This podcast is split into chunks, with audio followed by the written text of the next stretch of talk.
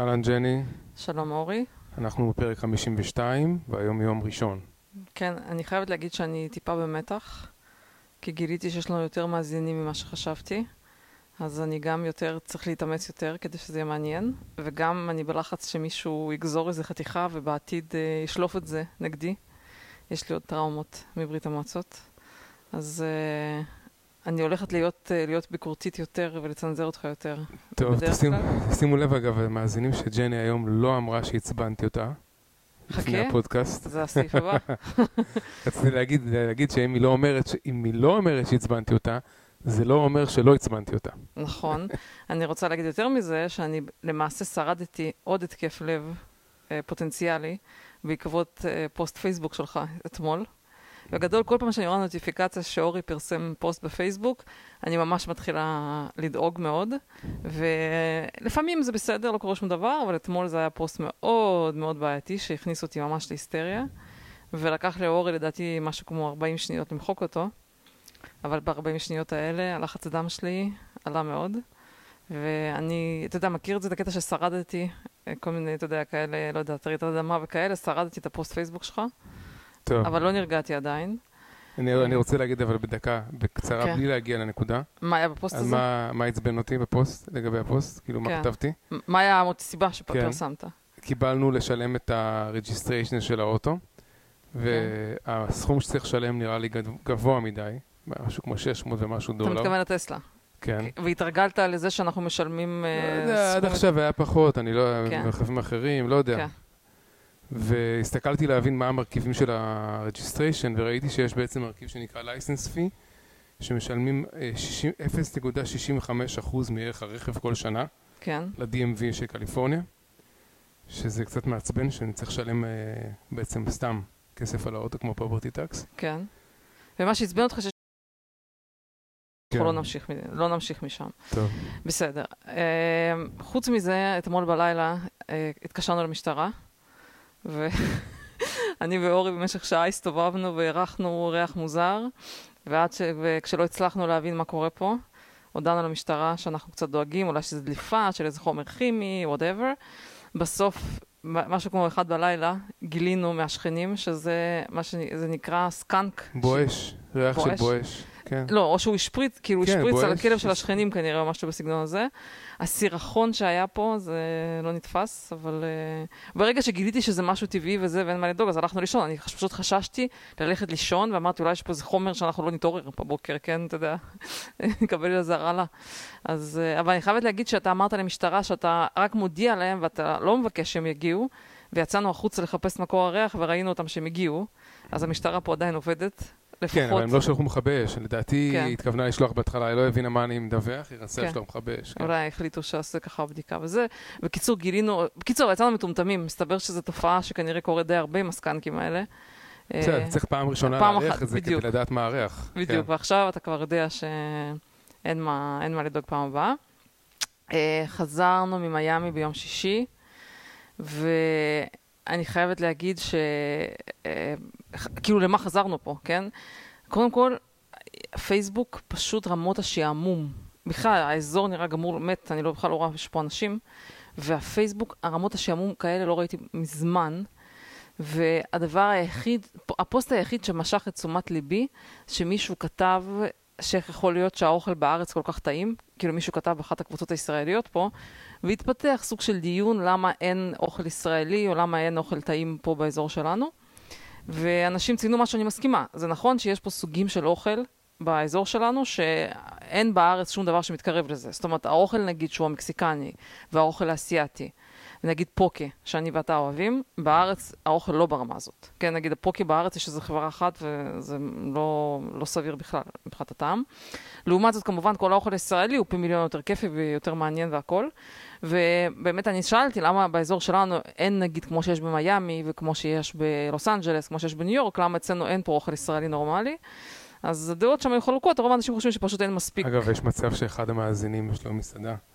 ישראלית פה, כן, זה קצת מעליבה. לא, לא מעליבה, אין מספיק, מה זאת אומרת, זה ש...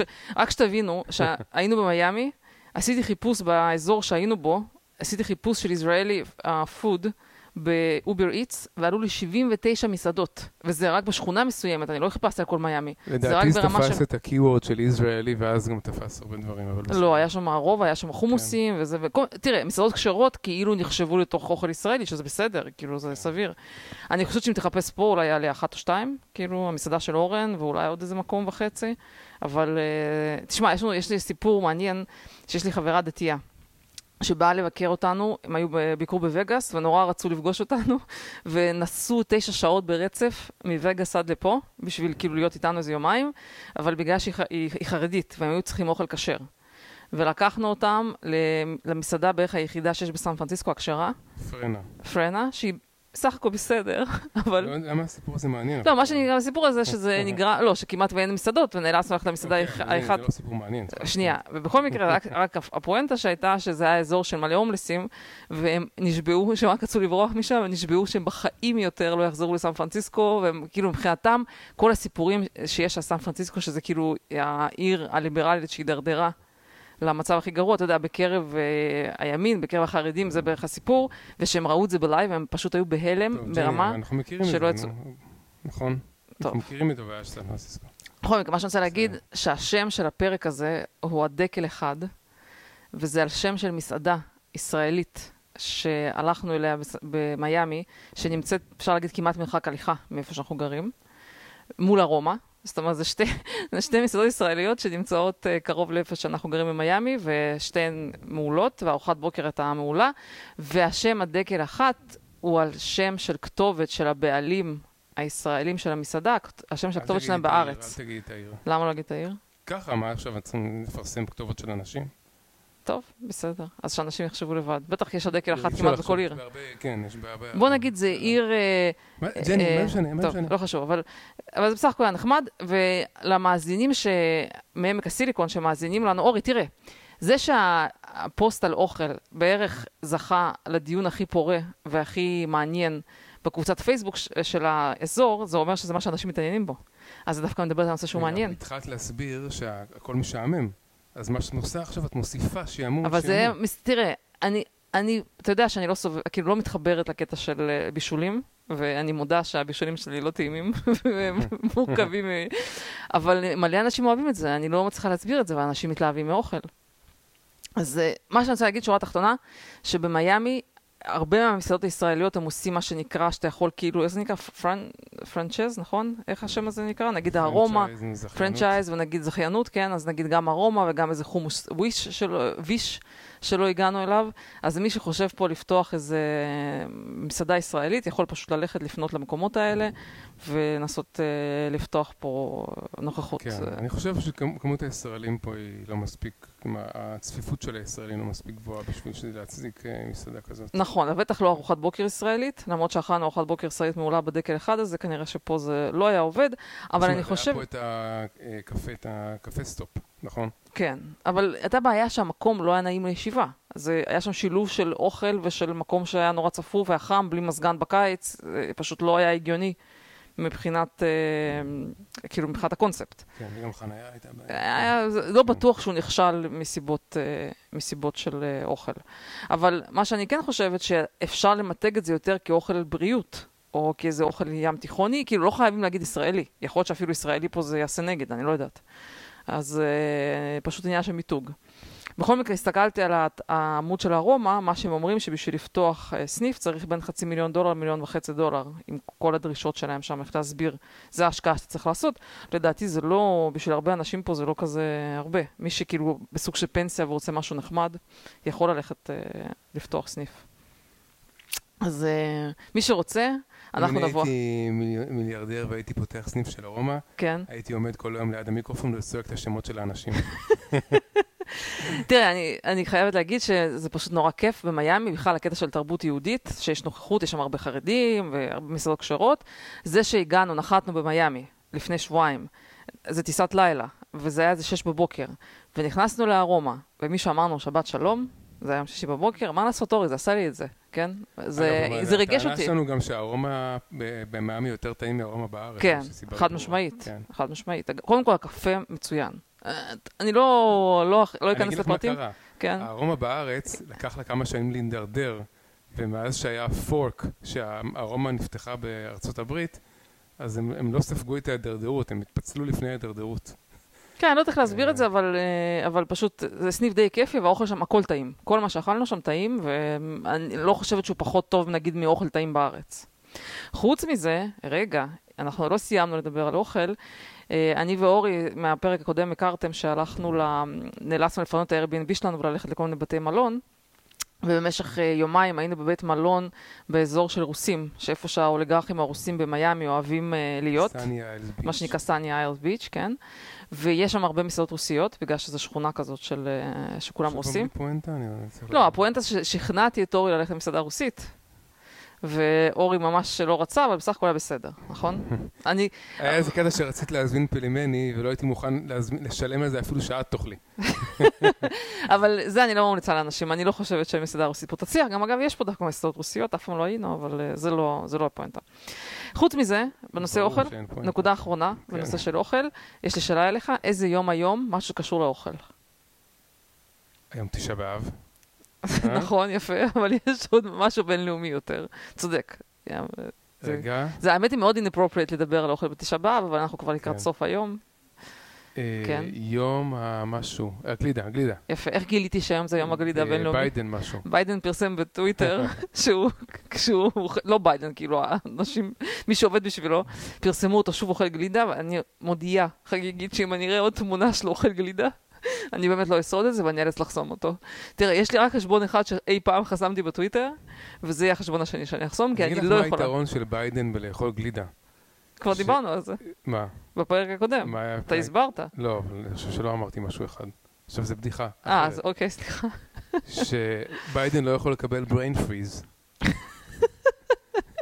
אוי, פשוט מה שראיתי אותו עם הגלידה הזאת היום, אני... אתה אתה יודע מה, יש סיכוי שהם המציאו שהיום זה יום הגלידה? רק שיהיה להם סיבה לפרסם תמונה של גלידה. פשוט היה עצוב. טוב, עוד משהו קצת מעניין על מיאמי, אז החלטת ללכת יום אחד לעבוד שם במשרדים של אובר, ואני בזמן הזה הלכתי לעבוד ב-WeWork, ושכרתי שם כזה daily pass ב-29 דולר, שאתה יכול לבוא ולהיות שם יום שלם. במקרה יצא שהמשרדים של WeWork הם צמודים למשרדים של אובר. כן, עכשיו מה בלוק הפואנטה? יש לי פואנטה. אורי מתרגש. הפואנטה שלי זה שנגיד לפני כמה שנים, WeWork היה לזה brand נורא שלילי, נכון? זה היה תמיד בכותרות, וזה היה כאילו זוועה של חברה, ומה ש... עכשיו, אבל בסוף, כשאתה בא, מגיע לאיזו עיר, ואתה צריך איזה משרד ללכת לעבוד, ובסוף כל מה שנשאר מה-brand הזה, זה מה שנקרא שאין bad publicity. בסוף הלכתי, חיפשתי את ה-WeWork, וכל מקום שאתה נמצא בו, אתה בודק איפה שיש WeWork, ובסוף הם ניצחו.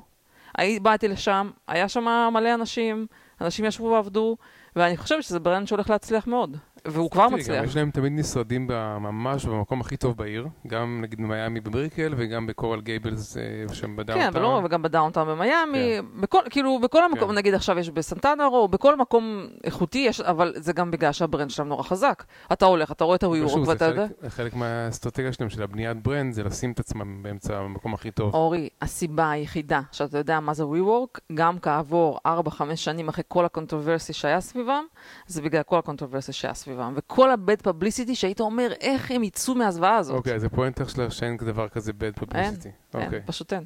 כאילו... אה, וה déjà vu הזה שהלכתי למשרד של WeWork ושילמתי להם 29 דולר, אני חושבת שזה אומר הכל. אה, עוד brand, מעניין- עוד brand מעניין שאני רוצה להזכיר אותו בהקשר של טיולים, אה, זה טורו, מה שנקרא טורו. זו, אני מניחה שהרבה אנשים מכירים, זו חברה שבן אדם פרטי יכול להשכיר את הרכב שלו, אתה יכול להסביר רגע איך זה עובד? אני לא בטוח, אה, כנראה. שאתה יכול לה- להשכיר את הרכב שלך לאנשים שרוצים לשכור רכב, פיר טו פיר. כן, אתה נגיד כן. מקפיץ את זה, אתה קובע באפליקציה, קובע בשדה תעופה, מביא את זה לבן אדם, בן אדם לוקח, וכשהוא לא מסיים לנסוע איתו, אז אתה בא ולוקח אותו חזרה, או שאתם קובעים איזה מקום שבו אתה אוסף את זה ממנו. עכשיו, מה שאני התרשמתי, אנשים מפרסמים בטוויטר כמה כסף הם עושים מהדבר הזה, וזה מדהים, זה אלפי דולרים משום דבר. זאת אומרת, זה בנ... נגיד. איזה בחור שאני עוקבת אחריו, הוא כזה סוג של freelancer, הוא עובד בבית, לא יודעת, באיזשהו סוג של marketing, whatever, ועל הדרך הוא, הוא, הוא כבר כל יום מפרסם שהוא קונה עוד ועוד אוטו, יש לו כבר fleet שלם כאילו, של, יש לו ממש uh, צי של רכבים שהוא מחזיק, והוא מקפיץ, הוא גר קרוב לשדה תעופה של מיאמי, הוא מקפיץ את הרכב, לא יודע, פעמיים, שלוש ביום, והוא פשוט, ההכנסה שיש לו מזה, נראה לי כבר יותר מהמשכורת.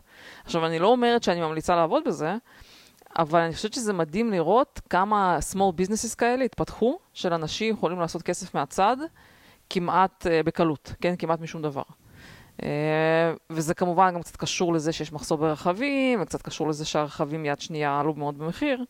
Uh, אבל אני חושבת שזה מדהים לראות את הקטע של uh, לאן הדברים האלה התפתחו. באמריקה הרבה יותר קל להקים עסק קטן, כן. נגיד, מאשר בישראל. או להיות כזה סוג של זכיין, או סוג של...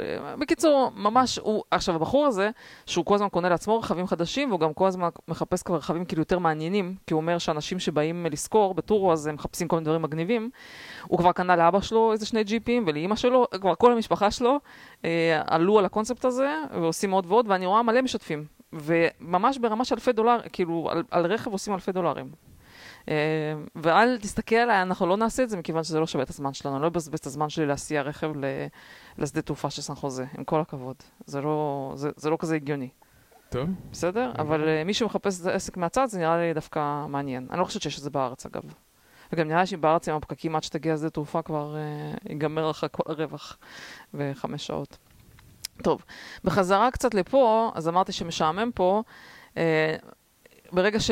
ברגע שחזרנו לפה, נראה לי שטוויטר התחילה להראות לי כל מיני דברים כאלה שקשורים לסן פרנסיסקו, וזה תמיד סרדים על פשע, כן? כאילו אין... תמיד סן פרנסיסקו זה עוד סיפורי פשע, כן?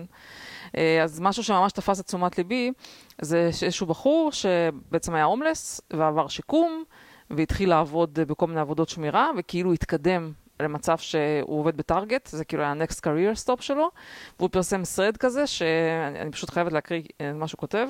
הוא אומר, target was meant to be the next stop in his career, uh, but לא משנה מה השם שלו, says a combination of brazen theft, כאילו store policies and slow police response has made, has made working conditions dangerous for employees and customers at the downtown target. והוא בעצם אומר שהוא, security guards are discouraged from intervening in shoplifting accident, incidents under penalty or threat of termination. They are also not allowed to carry protective gear like pepper spray or, or tasers, despite several incidents in which shoplifter grew aggressive.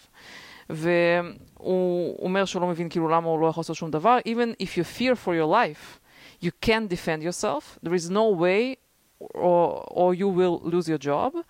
ו-citing unsafe work conditions, uh, הוא בעצם הגיש resignation לטארגט, ובעצם אחרי 52 יום התפטר משם, ואומר שהוא לא מסוגל, כאילו, לא מסוגל לעבוד שם.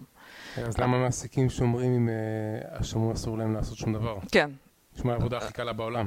כן, אבל הוא אומר שהוא חושש לחיי, או א', הוא מרגיש גרוע שהוא עומד שם בתור שומר, והוא רואה שנגיד עושים, לה, כאילו, עושים לאנשים איזשהו מישהו שהוא פושע, שהוא מתנפל על אנשים והוא לא יכול לעשות כלום. זה, זה מרגיש לך רע, זה העבודה שלך לעזור לו ואתה אסור לך לעשות כלום, וגם חושש לחייו, כן? עכשיו, מה שאני, הפואנטה פה, שאני רוצה להגיד, שאני חושבת שאם הדבר הזה לא גורם לתושבי סן פרנסיסקו להתמרד נגד הממשלה שלהם, זה לא מפתיע אותי איך כל מיני קומוניזמים וסוציאליזם משתלטים על מדינות. פשוט אנשים, הם, כאילו לאיזה רמה אתה צריך להגיע שאתה תסכים שזה הצורה שיהיה לך בעיר. איזה רמה שאתה מוכן לסבול את ראש העיר ואת הממשל המקומי, שלא אכפת לך מזה. שאתה לא כאילו יוצא לרחוב ואומר יאללה, שלום, לא אנחנו מעיפים אותך. זה לא, שיח, זה לא שלא אכפת להם, הם פשוט אה, לא מסוגלים לקום ולהתמרד. אז זה מה שאני אומרת, אבל זה מה שאני, כאילו, אתה יודע, הם עדיין, עדיין מסביבם בסך הכל יש תמיכה. אם כל האנשים יצאו לאיזה הפגנה ויגידו לראש העיר, את מתפטרת, שלום, נגמר, את נכשלת בתפקיד שלך, אנחנו לא מוכנים שתהיה ראש העיר ומי שאחראי על המשטרה, כאילו פשוט אה, לדרוש שכולם יעזבו. אם, אתה יודע, וזה לא שיעשו להם משהו, הם יכולים לגמרי בצורה מאוד... אה, הגיונית למחות נגד המצב, ולדעתי לנצח בקלות. הם כולם התפטרו מיידית. וזה שאנשים לגמרי אדישים, וכאילו מחכים שהדברים, שמישהו יעשה את זה בשבילם, זה פשוט לא מפתיע אותי שום דבר, שככה זה נראה. או שתשמע, או שכולם עזבו את העיר, אני לא יודעת. לא, אני חושב שמה שקרה, דיברנו על זה כנראה, שכשמישהו כן החליט לעשות משהו, אז uh, uh, הוא נהיה cancelled. אנשים... אה, אנשים מפחדים גם, מפחדים שכאילו יתנפלו עליהם, כן. כן, אם אתה מנסה לקום נגד השלטון, אז פתאום אתה מציירים אותך בצבעים של, אה, אה, איך קוראים לזה, של קיצוני, extremist, ימני, תומך טראמפ, כל הדברים האלה, ואז אתה מאבד את העבודה, וזה לא, בקיצור, הופכים את זה ללא שווה בשבילך. תראה, היה עכשיו שוב בקבוצות, אמרתי שהכי מעניין היה האוכל, אבל היה עוד איזה נושא שקצת אה, היה דיון סביבו, זה ששוב לוס אנג'לס מנסים uh, להעביר החלטה אנטי-ישראלית, שוב ארגון המורים או משהו כזה, אתה יודע, שוב כרגיל, שישראל זה אפרטהייד, כל הסיפורים הרגילים, ומישהו שם שאל בקבוצה מה בעצם עושים עם זה. זאת אומרת, כמה אנחנו, כמה אנחנו יכולים להמשיך לספוג כישראלים וכיהודים את הדבר הזה, כן? ואני עניתי שאני חושבת שיש נקודה מסוימת שצריך פשוט לעזוב. יש נקודה מסוימת שמי שרואה את זה אומר, מה אני צריך להתעסק עם זה? שלום, אני, לא, זה, אני חייב לגור פה? למה אני חייב להיות במקום שככה המקום מתנהל? אז אה, יכול להיות שזו נקודה שכל מי שנורמלי עוזב פשוט, אני לא יודעת מה, לא יודעת מה להגיד. לא, לא כל מי שנורמלי, אולי זו לא המילה הנכונה, אבל כל מי שתכלס אכפת לו מאיכות חיים, או שהוא לא מוכן לסבול את זה, כן? לספוג את הדבר הזה.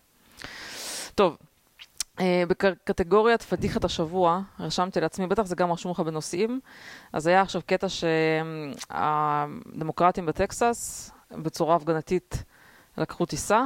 אתה התכוונת לדבר על זה? אה, רציתי לדבר על אלה שהם, אה, על השלושה ש infected. כן, אז אתה רוצה שאני אדבר על זה עכשיו? דברי, כן. בקיצור, אז יש עכשיו כזה מאבק בין הדמוקרטים לרפובליקנים על חוקי בחירות. כאמור, הרפובליקנים אומרים שהיה הרבה מאוד fraud. בבחירות האחרונות, ומנסים לעשות חוקים שעושים בחירות יותר בטוחות. הדמוקרטים הפוך, מנסים בעצם אה, לנצל את ההקלות הרבות שעשו בעקבות uh, הקורונה, שהם כאילו ניצלו את הקורונה בשביל לעשות את כל ההקלות האלה, מנסים עכשיו להכניס את זה ברמה הפדרלית, ויש כל מיני ניסיונות מאבק כזה, ובטקסס ניסו לחוקק חוקים שעושים נגיד שימוש ב-ID וכל מיני דברים כאלה, ובעצם הדמוקרטים, כדי לגרום לחוקים האלה לא לעבור, הדמוקרטים המקומיים בטקסס, כולם עלו על מטוס, ונטשו כדי שלא יהיה קוורום, כדי שלא יהיה מספיק אה, נוכחות במליאה, כדי שלא אפשר להעביר שום חוק, לא רק חוקים של בחירות, בכלל חוקים כלשהם. אבל פדיחת השבוע הייתה כזאת שהם... ברחו במטוס פרטי, קודם כל, כדי שלא יהיה אפשר לתפוס אותם מהר מדי. כן, וברחו ל-DC להיפגש עם... וגם צריכים לצאת כן. מהמדינה, כדי שאי אפשר יהיה לעצור אותם. כן, כי תאורטית אפשר לעצור אותם על זה כן. שהם כאילו לא... לעצור אותם, מה זה לעצור אותם? פשוט פיזית להושיב אותם בתוך אה, הבניין של הקונגרס של טקסס, אפילו שהם לא עושים כלום, אבל בעצם זה שהם נוכחים שם, זה כנראה מאפשר לקיים את הישיבות. עכשיו, והם בהתלהבות אה, במטוס עשו תמונה. איך הם כולם יושבים ומחייכים, בורחים כאילו מהמליאה, והפדיחה שלהם הייתה שהם היו בלי מסכות. ו... תראי, זה מטוס פרטי, אורי, אני לא יודע, הם כולם אורי, מחוסנים. לא... זה לא רלוונטי, יש חוקים, החוקים הפדרליים, שכולם חייבים להיות עם, עם uh, מסכה, לא כולל ילדים בני שנת... מה אתה מדבר? כן. בוודאי, אתה יודע שכל הטיסות בארצות הברית, וכל השדות תעופה בארצות הברית, הם באחריות פדרלית. והחוק הפדרלי אומר, ואתה מכיר אותו היטב, אתה עכשיו טסת למיאמי הלוך וחזור, שחייבים להיות עם מסכה מגיל שנתיים. בסדר, לא יודע אם זה תופס לטיסות פרטיות, בוודאי שכן. בסדר, אוקיי. בוודאי שכן. ולבטח שאתה עושה, בלי קשר, גם דוגמה אישית, אתה שם תמונה, אז אתה יודע, אתה מצופה להתנהג בדוגמה אישית, מה שאתה מצפה מכולם. הנקודה היא שבקיצור הם טסו וכולם נדבקו. כן. גיבורים ב-DC. הלכו להיפגש עם כן. קמאלה האריס, כן. אה, היה אפילו אחד מהם שנורא... שמח אה, לאכול סלט, הוא צילם סלט שהוא אכל בשדה תעופה ב... ב-DC? שהוא נחת בו, כן. והרגיש שזו הארוחה הראשונה שהוא אוכל בתור פיוג'יטיב. כן. אה, קיצור, אבל אה, צחקו עליהם הרבה. הנקודה היא שבסוף, לפני איזה יומיים, אה, הודיעו שבעצם שלושה מהם נדבקו בקורונה. כן. כן. כולם מחוסנים, בסדר, זה קורה שמחוסנים נדבקים, וגם לא מספרים איזה שלושה. בסדר? ועכשיו פתאום גם קמה לה... לא, ואז, ו... לא, ואז הם אמרו ששלושה כן. נדבקו בקורונה, ואז אמרו, אבל הוחלט שקמאלה לא צריכה לעשות quarantine, מכיוון שהיא כאילו מבחינת ה timeline... היא פגשה אותם לפני שהם לפני ש... לפני שבדקו אותם, כן? ואז היום בבוקר הודיעו שהיא הולכת ל routine visit בבית חולים שבו גם טראמפ אושפז שהיה לו את הקורונה. וולטר ריד. וולטר ריד, והיא הולכת ל routine visit, למרות שזה מוזר שבבוקר ביום ראשון, למי יש routine visit כאילו בבוקר ביום ראשון? זה לא שיש לה בדיוק עבודה, כן? אין לה מה כן, לעשות בעבודה. לא משנה, אבל...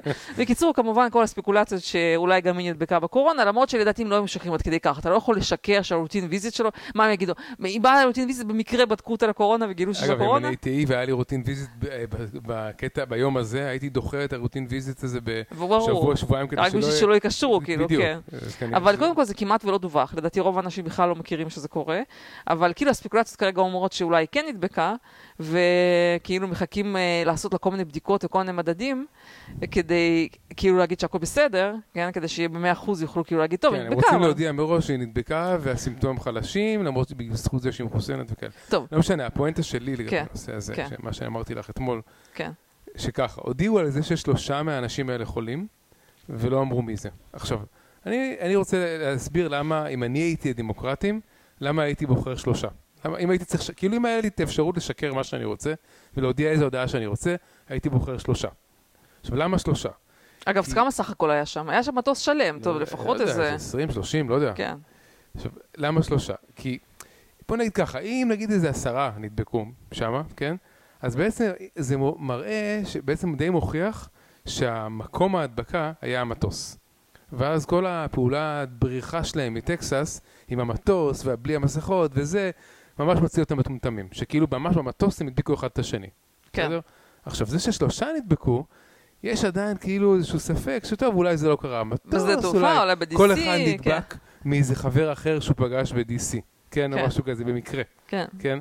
עכשיו, למה עכשיו, זה... אג- אגב, הם כולם מחוסנים, כן? זה כן, יצוין. בסדר, ראינו גם בישראל שכבר חוסרים כן. נדבקים, למרות שעדיין לא קלטו את זה פה באמריקה. לא תכף קלטו. נדבר על זה, תכף, איזה ו- נושא הבא, כן, עכשיו, למה שלושה ולא אחד או שניים, כן? כן. כי אה, רוצים להגיע למצב, לא רוצים שמישהו אה, ישים לב שיש נגיד עשרה, אבל אם אתה תגיד נגיד אחד או שניים, יכול להיות שמישהו במקרה ישמע על שלושה ספציפיים, וידע, אה, למה אמרתם שיש רק שניים חולים? אני יודע על שלושה, כן?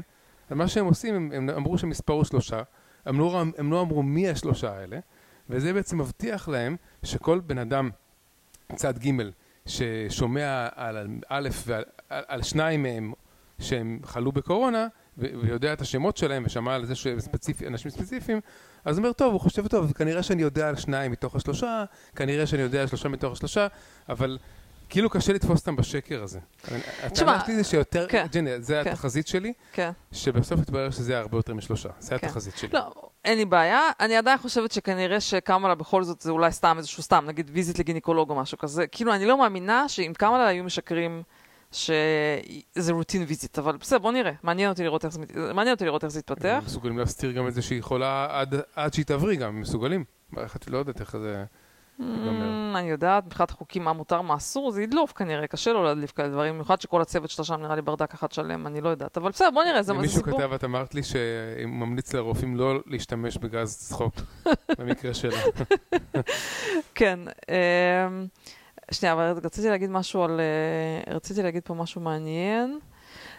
טוב, אז באמת, אה, אולי זו הזדמנות אז לדבר על הקורונה, כי באמת התחושה היא, תחושה מוחלטת של דז'ה וו מבחינתי. פעם ראשונה פתחתי CNN, אה, אני חושבת מזה שנה, כשהיינו במטוס, אתה במטוס שטסנו מהים, אתה יכול לראות חדשות. פתחתי CNN אורי, וכאילו אנחנו ב-2020, חורף 2020. אותם החדשות, עוד פעם המקרים בפלורידה עולים, הרי תמיד היה את הקטע של המדינה השנואה, פלורידה, שבסוף אנחנו יודעים שהיא עשתה יותר טוב מקליפורניה ומניו יורק, מכל המקומות שעשו סגר, אבל שוב אותו סיפור שפלורידה גרוע, מקרים עולים. אה, עוד פעם, כל מיני קבוצות ספורט, כולם נדבקים. קורמו גיבור, באולימפיאדה, נדבקים. קורמו. לא, דווקא קרומה יש, לא, קרומה יש דווקא חקירה נגדו.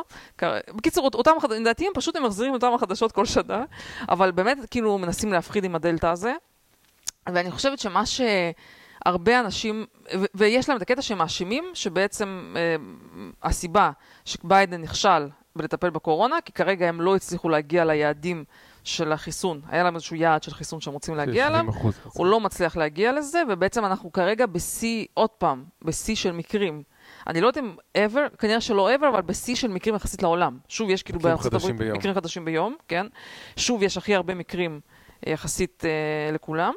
וכמובן, הם מאשימים את פוקס ניוז. כן, עכשיו, זו נקודה מעניינת שאני רוצה לדבר עליה, להסביר קצת רגע את הסיפור הזה. שקואומו מוצא מספיק מקומות בבתי האבות אה, כן. לשכן את האנשים האלה. שנייה, עכשיו, הטענה היא, הטענה, בעצ- בעצם, בעצם אה, ביידן, כאילו, בגלל, הוא נכשל בעבודה שלו, תכלס, בוא נודה, כן? תכלס הגיע, קיבל את החיסון, קיבל תוכנית חלוקת חיסונים, קיבל הכל, כל מה שהיה צריך ללכת זה לחלק את החיסונים ולא הצליח. עכשיו הם צריכים להאשים, הם כרגע מאשימים שניים, זה את הפוקס ניוז שכביכול מפיצים שקרים על חיסונים, ואת, ה, ואת הטיעון השני שפייסבוק רוצחים. פייסבוק. שהם רוצחים את האנשים, כי יש הרבה מאוד fake, fake news, כאילו הפחדה נגד החיסונים, וזאת הסיבה שאנשים לא עושים חיסונים. עכשיו, קודם כל, בואו, אני רוצה רק שנייה להתעמק בטענות שלך ולהסביר כאילו מה תכלס קורה. עכשיו, קודם כל, לגבי פוקס ניוז, אני ואתה קצת רואים פוקס ניוז, נכון? ואני חושבת שהדבר היחיד, וצריך להגיד, שהם סוג של מנסים, אולי גורמים לאנשים לא לעשות, זה שהילדים יעשו את החיסון. פוקס ניוז כן, סך הכל חזרו על זה, שמבחינת הסיכונים סיכויים, הילדים, לא, אין סיבה שהילדים יעשו חיסון, מכיוון שהסיכוי שלהם כאילו לחלות בקורונה הוא נמוך. זה לדעתי עובדתית, הטיעון היחיד שבאמת אפשר להגיד שפוקס ניוז אה, אולי גרמו להורים מסוימים לא לחסן את הילדים. אני לא חושבת שזה כזה נורא, מכיוון שאני ראיתי שגם ממשלת אה, גרמניה וגם ממשלת... אה, בריטניה החליטו שלא מחסנים את הילדים, כן? זה לא איזה משהו disinformation כזה ברמה כזאת שדפק את כולם. עכשיו, על הרבה מאוד מה data שראיתי, בעצם אין באמת כזה קטע שרפובליקנים לא מתחסנים, זה סתם שקר.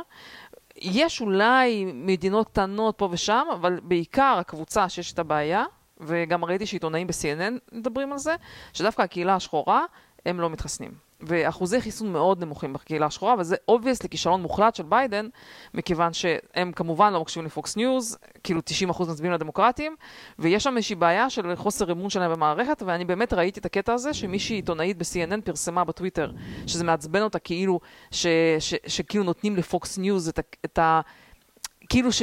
שבגלל שבשחורים לא מתחסנים, כאילו יש לפוקס ניוז תירוץ להסביר שהם לא אשמים בזה שהם מספיק מתחסנים.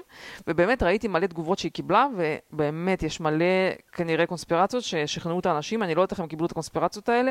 מלא אמרו שזה, אה, שזה כאילו פוגע בפוריות. יש שם אנשים שכתבו שבגלל שהחיסון מבחינת בדיקות בעיקר נעשה על Caucasians, הם לא סומכים מספיק על ה... כאילו על ה-establishment, שמספיק דאגו כאילו לבדוק גם על כאילו על... לא יודעת, השחורים ועל היספנים וכל מיני דברים כאלה. כאילו, באמת, אני השתכנעתי שיש מלא דעות קדומות נגד החיסון, וכאילו חוסר אמון במערכת. עכשיו תשמע, זה בעיה של ביידן שלא מצליחים להסביר את זה, אני לא יודעת מה, כאילו מה לעשות, מה קשור פוקס ניוז פה, כן, הם פשוט צריכים למצוא פתרון, ואם הם לא מצליחים אז הם פשוט incompetent, אין פה מה, אין פה מה לעשות, כן, כאילו, נכשלו, חבל שמחפשים אה, מחפשים כאילו אשמים. גם ביידן עשה איזושהי טעות כאילו marketing, שהוא מראש אה, הצהיר שהוא רוצה לעשות 70 אחוז אה, חיסון, לחסן 70 אחוז מהאוכלוסייה. עכשיו אף אחד לא יודע מה המספר הנכון. אולי צריך לחסן 64 אולי 95, מי יודע? אולי 80, אני לא יודע, אבל הוא אמר 70 אחוז. ועכשיו הוא חייב uh, לעשות כל מה שהוא יכול בשביל uh, להגיע ל-70% הזה כדי שלא... לא, אבל אני חושבת שאחת הסיבות, אחת הסיבות שהם לא מצליחים לפתור את הבעיה, מכיוון שהם לא מוכנים, הם לא באמת, מדבר, הם כאילו מאשימים את פוקס ניוז, זה לא פשוט לא השם הנכון. הם, אני באמת, אני רואה את פוקס ניוז, הם לא עושים discouraging לחיסונים. כל מה שהם אומרים, אולי שאין סיבה לחסן את הילדים. אבל כאילו, אם, אם אתה לא מזהה נכון את הבעיות, אני גם, אגב, ספציפית, יש עוד דוגמאות. אגב, למשל, אני ראיתי שמלא אנשים סתם אין להם כוח. מלא צעירים, פשוט, אה, לא, לא אכפת לי. אתה יודע, אני ואתה בתור מחשיבים לחדשות והכול, יש הרבה אנשים שבאמת לא בא להם. ואחת הסיבות, שאחת הבעיות, כאילו, בממשל הזה, שהם לא מבינים מה זה אינסנטיבס. הם חושבים שהם יצנזרו ויכתבו בעיתונים ויכתבו בפייסבוק כל מיני דברים, אז כולם יתיישרו וילכו את החיסונים. לא. אם אתה רוצה לגרום לאנשים להתחסן, אתה צריך לתת להם אינסנטיבס. למי שלא באמת אכפת מזה.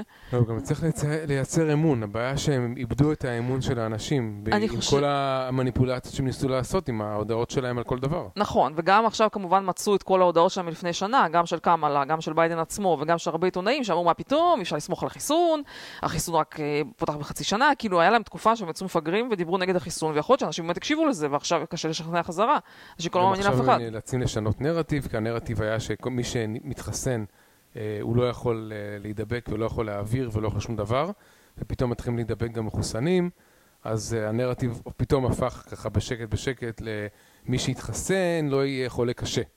כן, עכשיו גם זה אנשים, לא, אבל אני כן. ראיתי מלא אנשים שהם בשוק, כאילו, אנשים באמת מופתעים, זה משהו שלדעתי הרבה אנשים בארצות הברית לא קלטו עד עכשיו.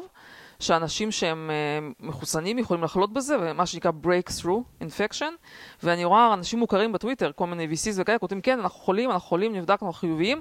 יכול להיות שאפילו אנשים כל כך היו בטוחים שלא יכולים להידבק, בגלל שה-CDC של ביידן עשה טעות בהסברה, והם אמרו שאנשים מחוסנים לא יכולים להידבק. במשך, עד, עד לפני לדעתי שבועיים, הם אמרו את זה, אנשים אולי בכלל לא שמרו, כן, לא הקפידו, הלכו לכל מיני מסיבות, התנשקו, התחבקו ולא הבינו שיכולים להידבק. ואתה יודע, מה לעשות, הם פשוט באמת לא מתפקדים. אני מצטערת להגיד, כמה שהיה את כל הטיעונים שהם כאילו טובים בקורונה, לדעתי הם גרועים ממש. אמ, אז גם יש את הנרטיב, עכשיו צריך להגיד שגם האנטי-וקסלס, עכשיו יש להם נרטיב חדש, במקום, פתאום כבר לא מדברים על זה שחיסונים זה מסוכנים, עכשיו הם פתאום אומרים, החיסון בכלל לא עובד, תראו, הנה כולם חולים, כולם זה, זה לא עובד כלום, כן? אה, כנראה שהחיסון עוזר להתמודד, כלומר, מקטין את החומרה של המחלה. מה זה נראה? נראה לי שדי בטוח. כן. מה שאני כרגע, המסקנה שלי מכל מה שאני רואה, ומכל הכאוס והברדק, ולצערי ה-CDC עושה עבודת הסברה גרועה מאוד, והם לא, לא מסברים את זה טוב. אה, אני חושבת שהמצב הוא שפשוט, מה לעשות, שהיעילות של החיסון עם הזמן יורדת, על אף הטענות לא מזמן שהיו שזה מחזיק מלא זמן, זה כנראה כמו חיסון שפעת רגיל, שתוך חצי שנה או משהו כזה כבר לא משפיע. שזה דלתא, זה גם עוד... כן, אה, ופלוס. כמו עם כן. שפעת, ברגע שיש לך זנים חדשים של, וירוס, של הווירוס, פשוט זה לא מתאים, אנחנו מכירים את זה גם מהשפעת, אתה עושה חיסון, ותוך חודשיים זה כבר לא מתאים. או שאנשים חולים כי יש זן אחר, זה כנראה פחות או יותר מתנהג בצורה דומה. כן, אבל ו- בהתחלה הם הודיעו שהחיסון נכון. הזה הוא טוב לדלתא. נכון? נכון. נו, נכון, מה שאני אומרת, שלגמרי המסג'ינג שלהם מבלבל, אנשים פשוט כבר לא סומכים על מה שהם אומרים. אבל בשורה התחתונה, מה שרואים בנתונים, שמה שאני רואה, שזה באמת עוזר נגד, אה, שזה עוזר כאילו לא לחלות קשה, אבל אנשים חייבים להבין שהם נדבקים, ש- שזה, מד- שאתה עדיין מדבק, ואתה יכול להידבק. ובהקשר הזה, אגב, למשל, עוד טעות שאני כבר צופה אותה, עוד פאשלה רצינית, לגבי צורת ההסברה שהם עושים לגבי בתי ספר, זה שהם הודיעו פה שהם מחזירים לאנשים, לילדים לבתי ספר בלי שמירת מרחק, אבל עם מסכות. עכשיו בואו נראה, מי, ש, מי שטיפה מבין בזה, זה הרי מגוחך. להכניס איזה 25 תלמידים לתוך כיתה סגורה, צפופה, שאין שמירת מרחק, זה לא רציני באמת. עכשיו, מה הסיבה שהם מרגישים מזה בזה נוח? לא בגלל המסכות, תעשה לי טובה. הסיבה שהם מרגישים מזה בנוח, כי הם חושבים שזה לא באמת מסוכן לילדים, המחלה. אין לי הסבר, כי... אני חושב שהם לא חשבו על אה, איך המחלה עוברת, וזה מאוד עצוב ששנה וחצי אחרי שהם מכירים את המחלה, לא יודעים שהיא כבר נמצאת באוויר. זאת אומרת, אם בחדר מסוים יש לך בן אדם שהוא מדבק והוא נושם, אז הוא ממלא את האוויר שבחדר בווירוס. זה לא עובר מזה שהוא קרוב למישהו. והמסכה היא לא עוזרת בקטע הזה לדעתי, בגלל שכל שאר האנשים נושמים את האוויר מהצדדים של המסכה. תראה, זה עוזר ברמה מסוימת, אבל כשאתה נמצא שעה או שעתיים בכיתה סגורה, נכון, בכיתה 24 סגורה, שעה תלמידים, שלמה, אה, המסכה היא לא זה כבר לא יעזור. המסכה לא עוזרת ובלי שמירת מרחק. לא, ובלי שמירת מרחק.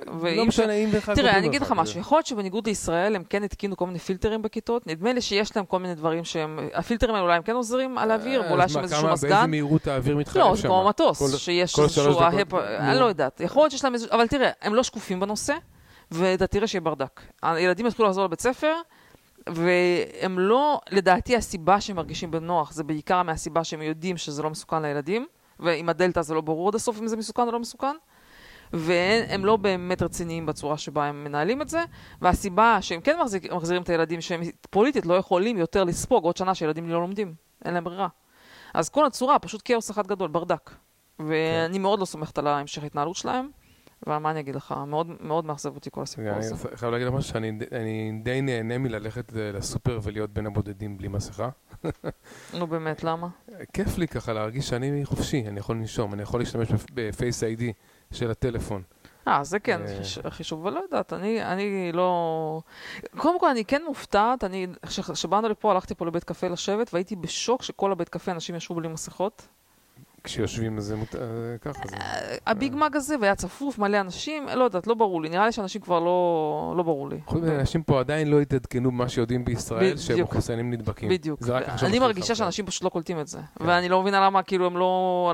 למה, ה-CDC לא, לא מעביר את המסר כן, הזה? ה-CDC אומר שזה לא יכולים נו. מה הם חושבים שיהיה? איך הם חושבים שאנשים יסמכו על כל הצורה, הזאת שלהם? מה אני אגיד לך? אה, טוב, הנושא הבא שרציתי לדבר עליו רגע, זה על הצנזורה בפייסבוק. לא יודע, אתה רוצה לדבר על זה קצת? זה משעמם. אה, מה מה היה בפייסבוק?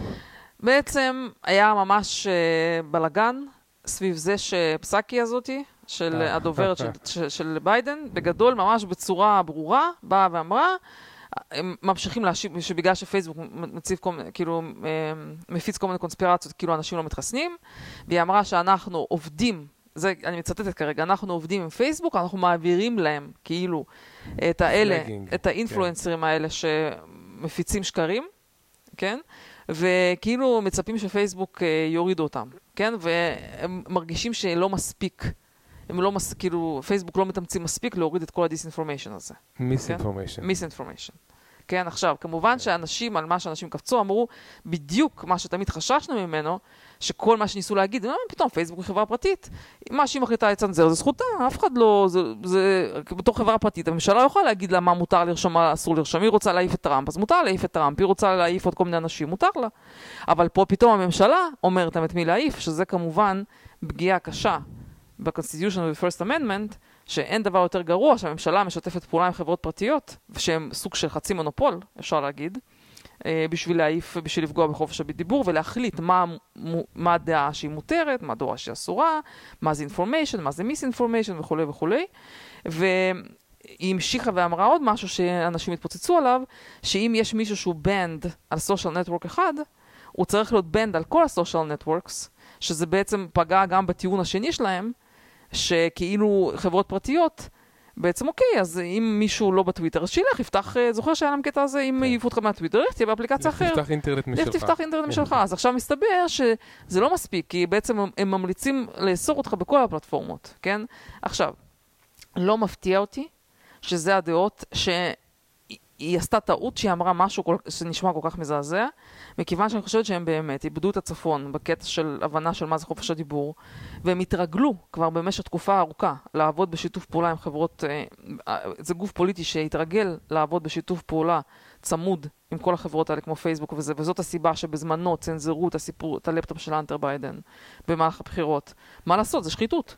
הם פשוט כל כך רגילים לזה, הם גם פשוט נורא בטוחים בצדק שלהם. זאת אומרת, אם אתה שם את עצמך מול השטויות ש anti-vaxxers אומרים, אז אתה כל כך בטוח בצדק שלך, שאתה לא מבין שזה פגיעה בזכויות אנשים להשתיק אותם. אתה לא, אתה לא מבין את זה בכלל. לא אין, קשור, אין... אבל אתה כ-government, אתה לא יכול זה, זה, אתה כאילו, גם אם אתה מאחורי הקלעים עושה את ה shady business הזה של להתקשר, ואני לא מופתעת מזה בכלל, שאנשים שעובדים ב policy בפייסבוק, הם חברים שלהם, למדו ביחד באוניברסיטה, אולי עבדו וכל מיני כאלה דברים, גם אם אתה מאחורי הקלעים מתקשר ועושה את ה shady business הזה של להגיד לו, סליחה, אה, בבקשה להעלים את הכתבה הזו של האנטר ביידן, זה לא מתאים לנו לפני הבחירות שזה יסתובב, אנחנו לא יכולים עכשיו להזיק, אבל זה שאתה אומר את זה חופשי, כאילו במסיבת עיתונאים, אתה מרגיש שאמרת עשתה, משהו הגיוני. שנייה, פסקי עשתה טעות שהיא אמרה את זה כל כך ברור. אבל זה לא טעות. כי, נכון, אבל זה לא טעות. זה, זה רק מראה על חומרת המצב. לא, זה... שהם עד כדי כך רגילים לזה, נכון, שהיא כבר איבדה מה בסדר ומה לא... כן? נכון, כן. אני אומרת שעד כדי כך הם רגילים לזה, שהיא אפילו לא שמה לב לזה שזה הזיה, מה שהיא אמרה.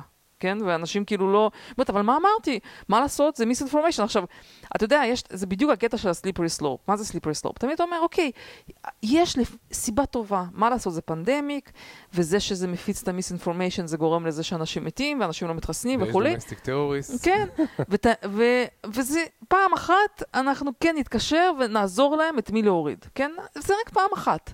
ואז עוד פעם אחת, עכשיו אם אנחנו, הם לא יורידו את הזה של האנטר ביידן, אז אולי טראמפ ינצח והוא פשיסט והוא נאצי וזה, זה רק פעם אחת. ועוד פעם אחת אנחנו נגיד להוריד על הווהאן ויירס, כי, כי זה יגרום, לא יודעת מה, איזשהו קשקוש, חוסר אמון במערכות וזה, עוד פעם אחת, כן? ואז פתאום יוצא, זה ככה נהיית מדינה טוטליטרית.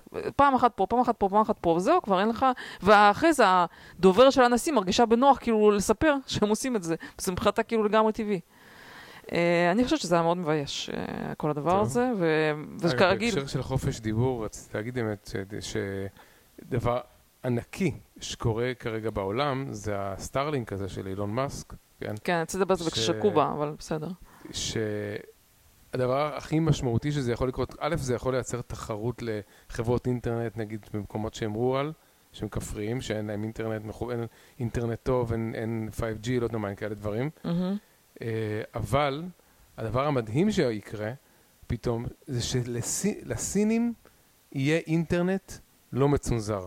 אתה יכול בתור סיני להעמיד צלחת אה, איפה שבא לך, במקום שהשלטון לא רואה אותה, את הצלחת, כן. ולתקשר עם הסטארלינק הזה שהוא בחלל, ואף אחד לא יכול לצנזר את, ה, את האינטרנט שלך. אגב, בוא אני אגיד לך משהו. כשאנחנו היינו בברית המועצות, היה ערוץ רדיו, בואו נחזור רגע... כל אמריקה? גולס, גולס אמריקה, כן. כאילו, כל אמריקה, והיינו מקשיבים לזה, והם בדיוק היו עושים את זה.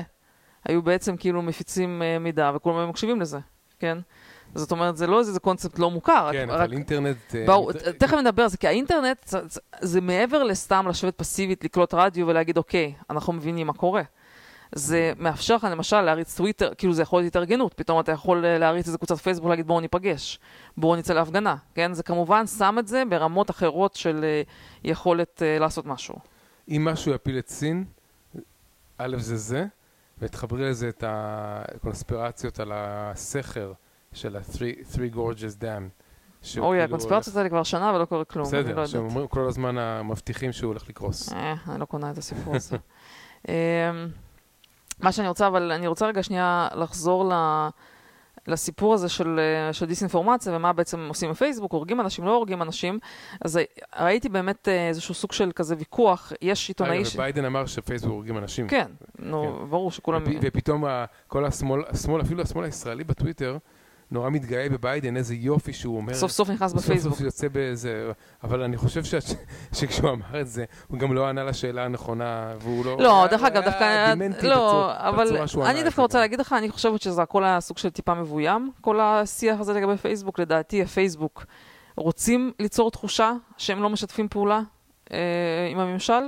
כאילו כל הדבר הזה היה שהם יכנסו, קודם כל זה נוח להם להפיל הכל לפייסבוק, כי כולם אוהבים, אתה יודע, להיכנס בפייסבוק, פייסבוק אשמים והכל וכולי.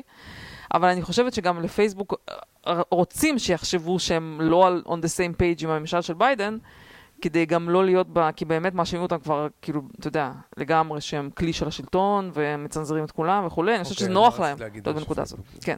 אז יש אה, עיתונאי בשם אלכס ברינסון כזה, שהוא סוג של אנטי וקסר ידוע, והוא, אני רואה איך... אנטי וקסר בתחום של קוביד. בתחום של קוביד, כן. עכשיו, אני רואה איך הוא מייסר דיסאינפורמציה, ממש רואים את זה, ואיך הוא עושה מניפולציה של נתונים עדינה שגורמת לאנשים לפקפק בחיסונים, מה שהוא עושה, הוא נרשם לכל מיני ערוצים, ואגב, הוא גם כתב בפוקס ניוז. הוא, הוא מתראיין בפוקס ניוז. מתראיין, סליחה, נכון, הוא כאילו, זה נקרא contributor, זה, זה התפקיד. והוא נרשם לכל מיני ערוצי טלגרם של ישראל, ושכל הזמן שולחים שם כל מיני data כזה, כל מיני טבלאות ממשרד ה... משרד הבריאות, ומראים את כמות החולים. ובעצם עכשיו הוא נגיד שיתף גרפים שמראים שם שרוב החולים הם מחוסנים, רוב החולים קשה ומאושפזים. עכשיו, כשאתה מסתכל על הטוויטר, אז אתה אומר, וואלה, וכל הטיעון שהוא מנסה לדחוף על סמך הדאטה הזה, זה ש... החיסון לא עובד. אומר, הנה תראו, החיסון סתם, אה, סתם כאילו לא עובד כלום, הנה תראו בישראל, בגלל שהם טיפה יותר מתקדמים מאיתנו, אז החיסון כבר, כבר פג תוקף, כאילו ירד ההשפעה שלו, והנה אין הבדל בין לעשות את החיסון ולא לעשות את החיסון, והטיעון שלו אומר, בגלל שזה חיסון יש תופעות לוואי, שאגב אני אישית ממשיכה לחוות אותם עד היום, אה, אז, אז בעצם אין טעם לעשות את החיסון. עכשיו, עכשיו, עכשיו, ברור לך מה המניפולציה, כן? אתה, אתה אמרת לי בשנייה כשאמרת מה המניפולציה פה. אם, אם בישראל 90% מהאוכלוסייה מחוסנת, אז ברור שרוב החולים... אז כן. ש, אם שמונה מתוך עשרה חולים הם מחוסנים, כן. עדיין זה פחות מהפרופורציה בדיוק, שלהם באוכלוסייה. בדיוק, אז המניפולציה ברורה, אגב, יכול להיות שהוא גם טיפש והוא לא מבין את זה, כן? יכול להיות שהוא, זה המסקנה, לא, המסקנה שלו, שאפשר לטעות במסקנה הזאת, זאת אומרת, יכול להיות שזה לא מכוון. יכול להיות שהוא באמת ככה חושב, כן? ו, וגם יש לאנשים כזה תמיד רצון הם לא רוצים להודות שהם טעו. בסדר, הוא כמו היורם לס של אמריקה. כן, מחפש, ו... מחפש להצדיק את הסיפורים שלו בשביל כאילו להראות, להראות שהוא צודק. כן, אנשים כן. ננעלים בעמדות שלהם. אבל, מה, מה אני רוצה להגיד? עכשיו תגיד, אוקיי, מה אתה עושה עם זה? הנה, בן אדם מפיץ משהו שמלא אנשים יכולים להשתכנע זה בקלות, כן? ונתונים, משהו, נראה גרפים, הכל משכנע. עכשיו, מה הפתרון product לזה? אבל מה שיפה, שאתה רואה שבטוויטר, תוך שנייה וחצי אנשים, מלא אנשים חכמים, עם, גם כן עם blue checks, חכמים וזה, הגיבו לו, תגיד, אבל זה מניפולציה, בדיוק כמו שאתה בשנייה אמרת, אני הסתכלתי על התגובות, וזהו, הוא לא שכנע אותי. הוא לא שכנע אותי, מכיוון שמספיק אנשים חכמים הגיבו לו, ואתה יכול להסתכל, ואתה לא צריך שהטוויטר יעשה בשבילך את כל ה... יחסום אותו, ויעלים אותו, ויעשה את זה.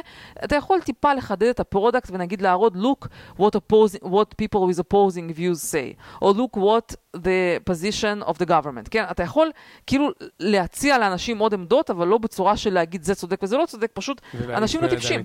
כן. אה? כן, פש... להפך, ברגע שאנשים ענו משהו לעניין, זהו, זה רק מוציא אותו אידיוט, כאילו לא אידיוט, אבל אנשים אומרים, אוקיי, צודקים. זה, זה דווקא יותר משכנע את הבן אדם הממוצע כשהוא רואה תשובות לעניין, אז הוא יותר בטוח, כן? זה, זה יותר טוב מאשר סתם להוציא אותו.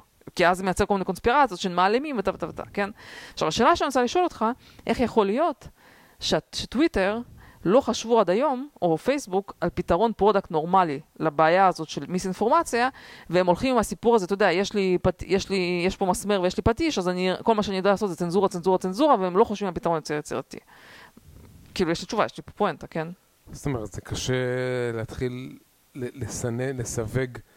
את כל התגובות, מי התגובה הכי טובה שהיא מנוגדת. זאת אומרת, אתה לא, יכול לראות... לא, זה ממש לא קשה, הנה, יש לך אנשים, נגיד, כמו דיוויד, אנשים שמגיעים... אתה יכול לראות אבל כמה לייקים יש לתגובה, אבל... נכון. אבל בצורה אוטומטית, מאוד פשוט, לדעתי, כאילו, לא. ממש לא מסובך. לדעתי, יש אנשים שאתה עושה להם איזשהו סוג של ranking, עד כמה התגובות שלהם, לדעתי ממש לא מסובך בעידן מחשבים.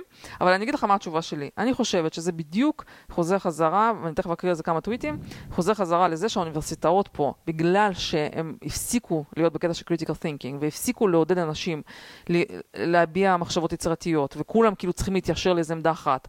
והרבה אנשים שלמדו באוניברסיטאות היום נמצאים בממשל, וזה, והם, כול, והם חושבים שנגיד שצנזורה זה דבר הגיוני. כן, אני חושבת שפשוט זה באמת חוסר יצירתיות מוחלט של אנשים שמתעסקים ב product וב policy בחברות האלה, שרובם הם לדעתי בוגרים של האוניברסיטאות ההומניות האלה, של כל ההרוורדים וזה, והם פשוט כולם נעול, נעולים בדעה אחת, ואנשים לא מספיק מוכשרים. אני מצטערת שאני אומרת את זה, אולי מישהו מקשיב לי ונעלב מזה, אבל לדעתי זה פשוט חוסר כישרון שנובע מזה שהם התרגלו כולם לחשוב אותה מחשבה, ולא לחשוב מחשבה יצירתית. ובהקשר הזה, היום באמת כמה אנשים כתבו, ואני רוצה להקריא לך, אנטוניו גרסיה מרטינז, זוכר זה הבחור הזה שפיטרו אותו מאפל, שהוא יהודי קובאני, אז הוא כותב ככה, When you were at Berkeley, you'd run into childish worldview of neurotic super lefty anti-US projection. And you think this is bad, but these people will never run anything. Then you look up 20 years later and realize their mentality is running everything. בסוף, כמו שאני תמיד אמרתי, האנשים האלה שהלכו לאוניברסיטה ולמדו שם כל מיני דיביליזם של סוציאליזם וזה טוב להיות בקובה על זה, והם עכשיו נמצאים בכל תפקידי המפתח, הם קובעים את ה policy אה, בממשלה, הם קובעים את ה policy... שר החוץ, זה אנטוני בלינקן. כן? עכשיו עובד, אה, ביקש מהאו"ם שמדינות כמו רוסיה וסין וקובה שיחקרו כמה ארצות הברית היא גזענית, systemically racist. כן, עכשיו, חוץ מזה, עכשיו, יש איזה מישהי שהיא כתבת, תכף אנחנו נדבר על זה גם, יש איזה מישהי כותבת, מישהי שהיא ג'ניפר רייט, כן, שהיא בעצם, היא כותבת כאילו על social justice וכל מיני דברים כאלה, ובאמת היא כתבה את הפוסט הבא. היא כותבת, My dad was an investment banker. My mom was a VP at Exxon. אקסון? קוראים לזה זוכרת? כן, אני יודעת מה זה אקסון, כן.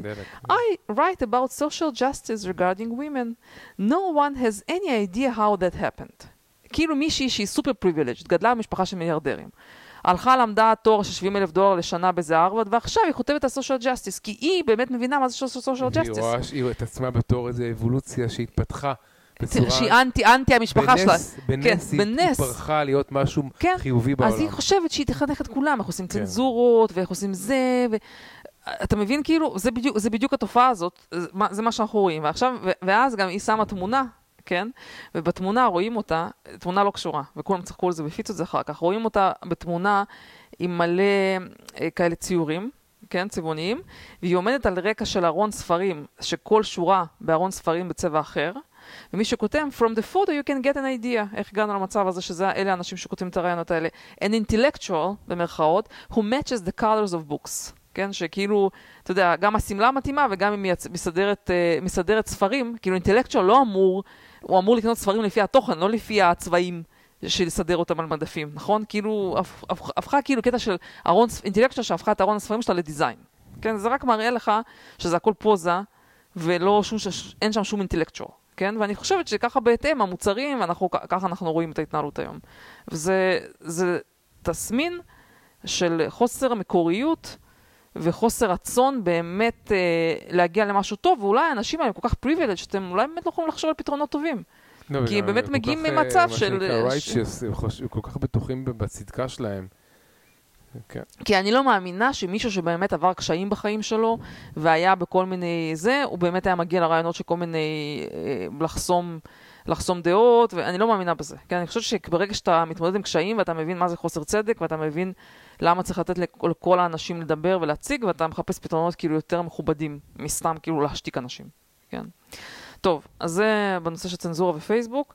אמ, מה שעוד נושא שרציתי, אני רוצה להגיד מילה אחת על אה, כלכלה, ואחרי זה מילה אחת קצת על אה, קובה. אז מילה אחת על כלכלה שאני רוצה להגיד, זה ששוב היה נכון פורסם הקטע של אה, מדד האינפלציה, וכולם ממשיכים לדבר על זה שיש אינפלציה ו... וכולי. עכשיו, אני תקופה ארוכה לא הצלחתי להחליט עם עצמי אם אינפלציה זה טוב או רע, כרגיל מפרסמים מלא נתונים, חלקם מניפולטיביים, אני לא יודעת מה, אבל הנקודה שבה אני החלטתי שיש בעיה, זה שברגע שאני ברמה האנקדוטלית שלי, מתחילה להרגיש את הבעיה. והנקודה שידעתי שמרגישים את הבעיה זה הקטע הזה של מחסור בעובדים. שאתה הלכת לסטארבקס לפני יומיים, נכון? אתמול זה היה. כן. והגעת והיה שם הודעה שסטארבקס סגור, כן עובדים, אני חושבת שזה תסמין מאוד בעייתי, מאוד מאוד חמור. אני לא מדמיינת חברה אמריקאית כמו סטארבקס, שכאילו אצלם הכל דופק. אתה יודע, זה... כן. גם אנשים מתלוננים שאין נהגי אובר, נכון? ראינו... כן, כן. כן. אז אני חושבת שזה תסמין שיש בעיה, חד משמעית. אה, זה פשוט לא קורה, לא יכול לקרות באמריקה שאין סט... שסטארבקס, או שכמו שקרה לנו, שקנינו מקרר והוא פשוט לא הגיע ואף אחד לא התקשר ואף אחד לא התייצב וזה לדעתי, יש להם מחסור חמור בעובדים. ואין שום תירוץ להסביר איך, איך אתה קונה מקרר מהופ דיפו והוא פשוט לא מגיע, אנחנו יושבים כל היום מחכים והוא לא, לא מגיע. זה, זה באמת, אורי, זה לא, דברים כאלה לא קורים באמריקה. טוב. אז אני מבחינתי זה סימן, אה, זה סימן לא טוב, והטוויט אחד בהקשר הזה שאני רוצה לה, להקריא על אינפלציה, שעשו סקר בקרב אנשים, אה, מה הם חושבים על אינפלציה. אה, crazy chart from today's משהו sentiment report, consumer frustration with the rising prices of homes, cars and household durables is worse now than it was in the 17th, according to their survey. ואז מישהו כותב, וכמה אנשים כתבו, This is what ended Jimmy Carter's presidency. כאילו ג'ימי קרטר ידוע כמישהו שבתקופה שלו היה כאילו אינפלציה לא טובה, ו- כן. וזה אפילו כאילו, הסנטימנט היום כאילו יותר גרוע ממה שהיה בתקופה אגב, שלו. הטענה היא, גם ההסברים אה, של פיטר שיף, הוא מנסה לנתח את המספרים של האינפלציה, והוא אומר שהדרך שמודדים את האינפלציה היום היא הרבה יותר, אה, היא, היא שקרית ממה שהיה ב-70's, כי החליטו להוציא מתוך החישוב של האינפלציה אה, מד... דברים שהם אה, כאילו כן היו מראים על עלייה במחירים, במחירים. למשל, מחירי הדירות או משהו כזה, או כל מיני, או, מחיר, או מחירי הדלק, אני חושב שלא מכלילים אותם ב, באינפלציה או משהו כזה. יש כל מיני דברים, איזו, אה, תחומים שלא מכלילים אותם, ואז בעצם המספר שהם יוצאים איתו זה לא, זה לא משקף את האינפלציה האמיתית. למשל, מחירי ההשכרת דירות, הוא אומר שלא בודקים באמת כמה אנשים משלמים על שכירות, אלא עושים סקר ושואלים בעלי בתים שגרים בבתים של עצמם, כמה אתה חושב שהיית יכול להוציא על הבית שלך בשכירות. וזה אה, הדאטה פוינט שהם מספקים בשביל כאילו מחירי שכירות, שזה לא מדויק, כי אנשים לא ממש יודעים.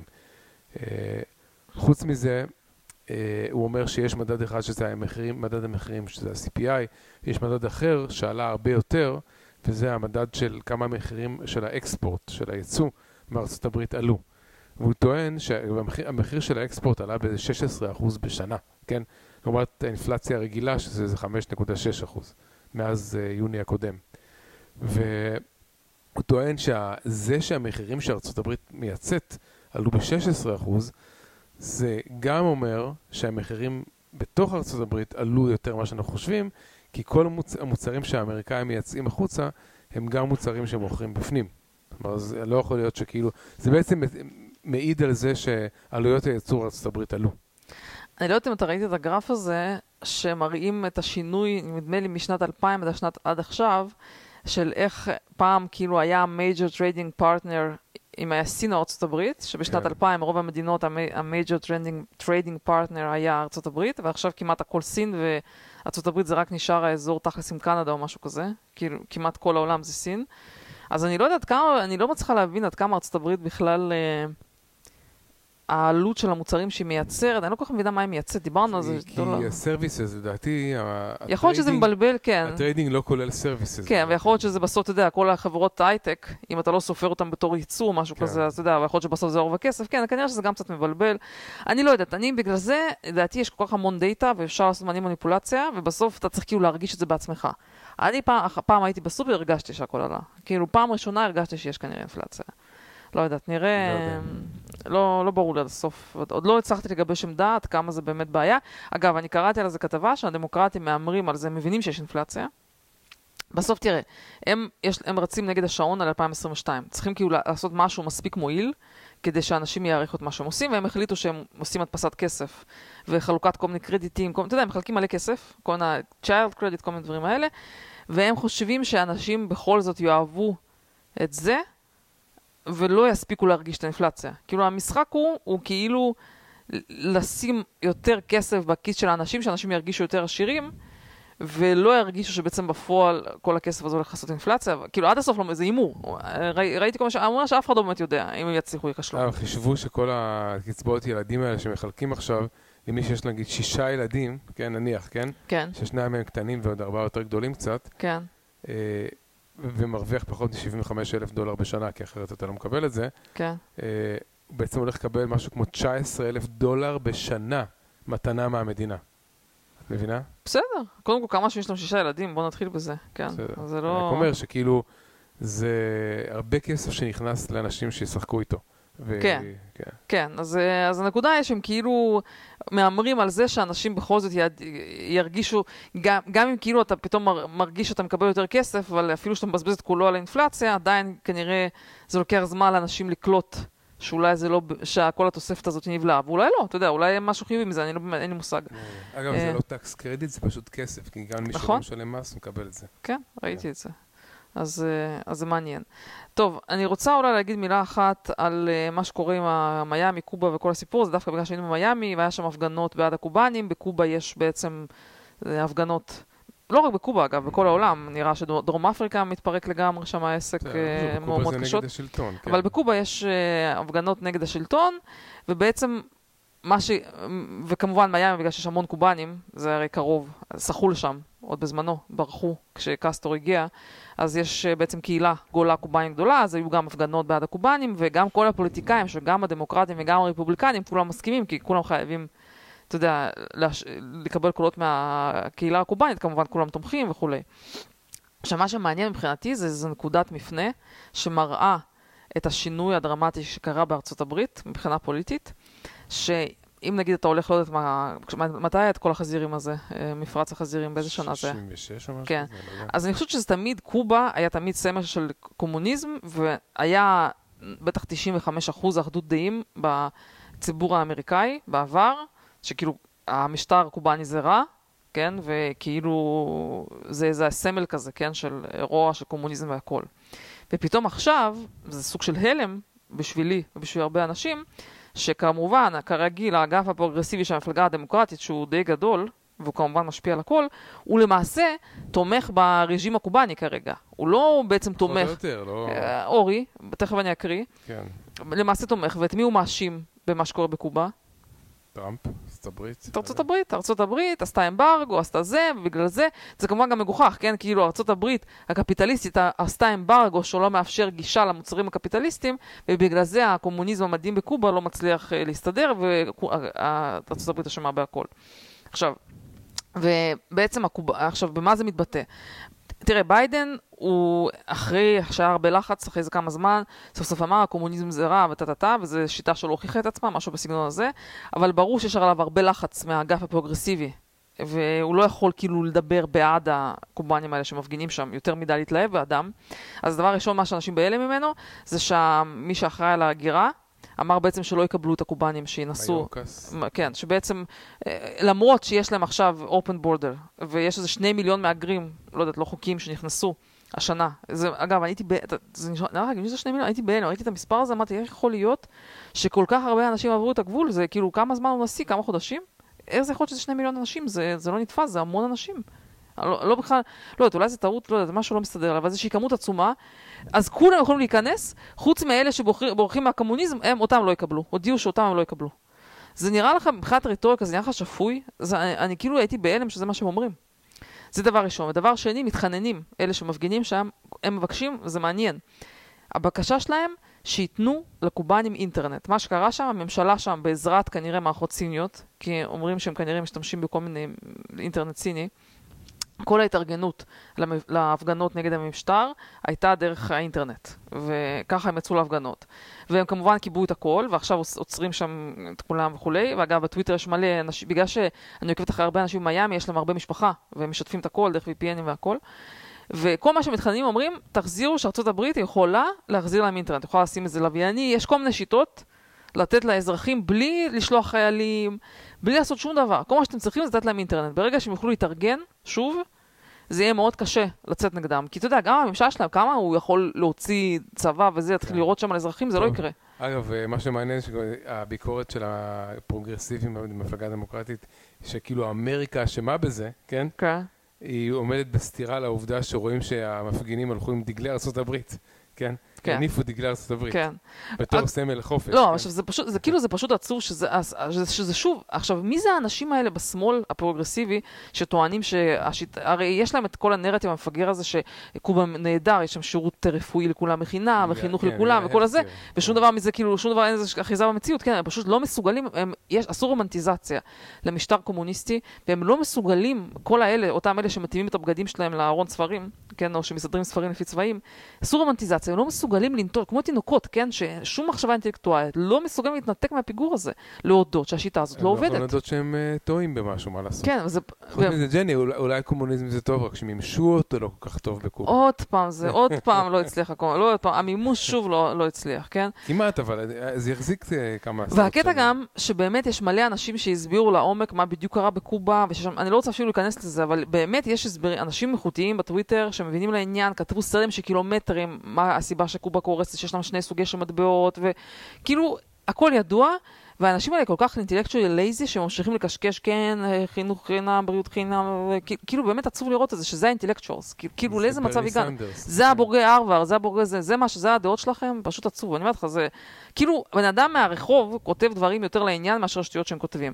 עכשיו, והמשבר כמובן המרכזי זה ש-BLM יצאו לתמיכה, שזה כאילו המשבר של אנשים במיאמי, שבעצם BLM הודיעו הודעת תמיכה במשטר הקובאני, ולא במפגינים. וזה כמובן, כאילו, מבחינת הרבה אנשים היה כאילו, הודיעו שזה הקש ששברת גם, אמרו, סליחה, כאילו, אנחנו, אנחנו לא יכולים להמשיך לתמוך תראי, בדבר הזה. הב- אני מבין שה-BLM לא מזדהים איתם, מהסיבה, אני יכולה להקריא לך את התגובה שהם כתבו, רק, רק. כן. כן. ה-BLM לא מזדהים איתם, בגלל שההפגנות של ה-BLM זה הפגנות שלא מעבירות וירוס. וההפגנות של הקובנים זה כן הפ- הפגנות שמעבירות וירוס, לפי התקשורת. אני לא רוצה אפילו... מה שהם כתבו, the people of Cu- Cuba, Cuba are being punished by the US government because the country has maintained its commitment to, to sovereignty and self-determination. United States leaders have tried to crush this revolution for decades. Instead of international... בקיצור, US government, רק טה-טה-טה, עושים, והם פוגעים במדינה, ו... בק- בקיצור, הרבה מאוד אנשים במיאמי שהם כאילו כן היו עם BLM, אומרים, טוב, אנחנו כאילו גמרנו עם זה. עכשיו, למה זה? הדבר היחידי ש...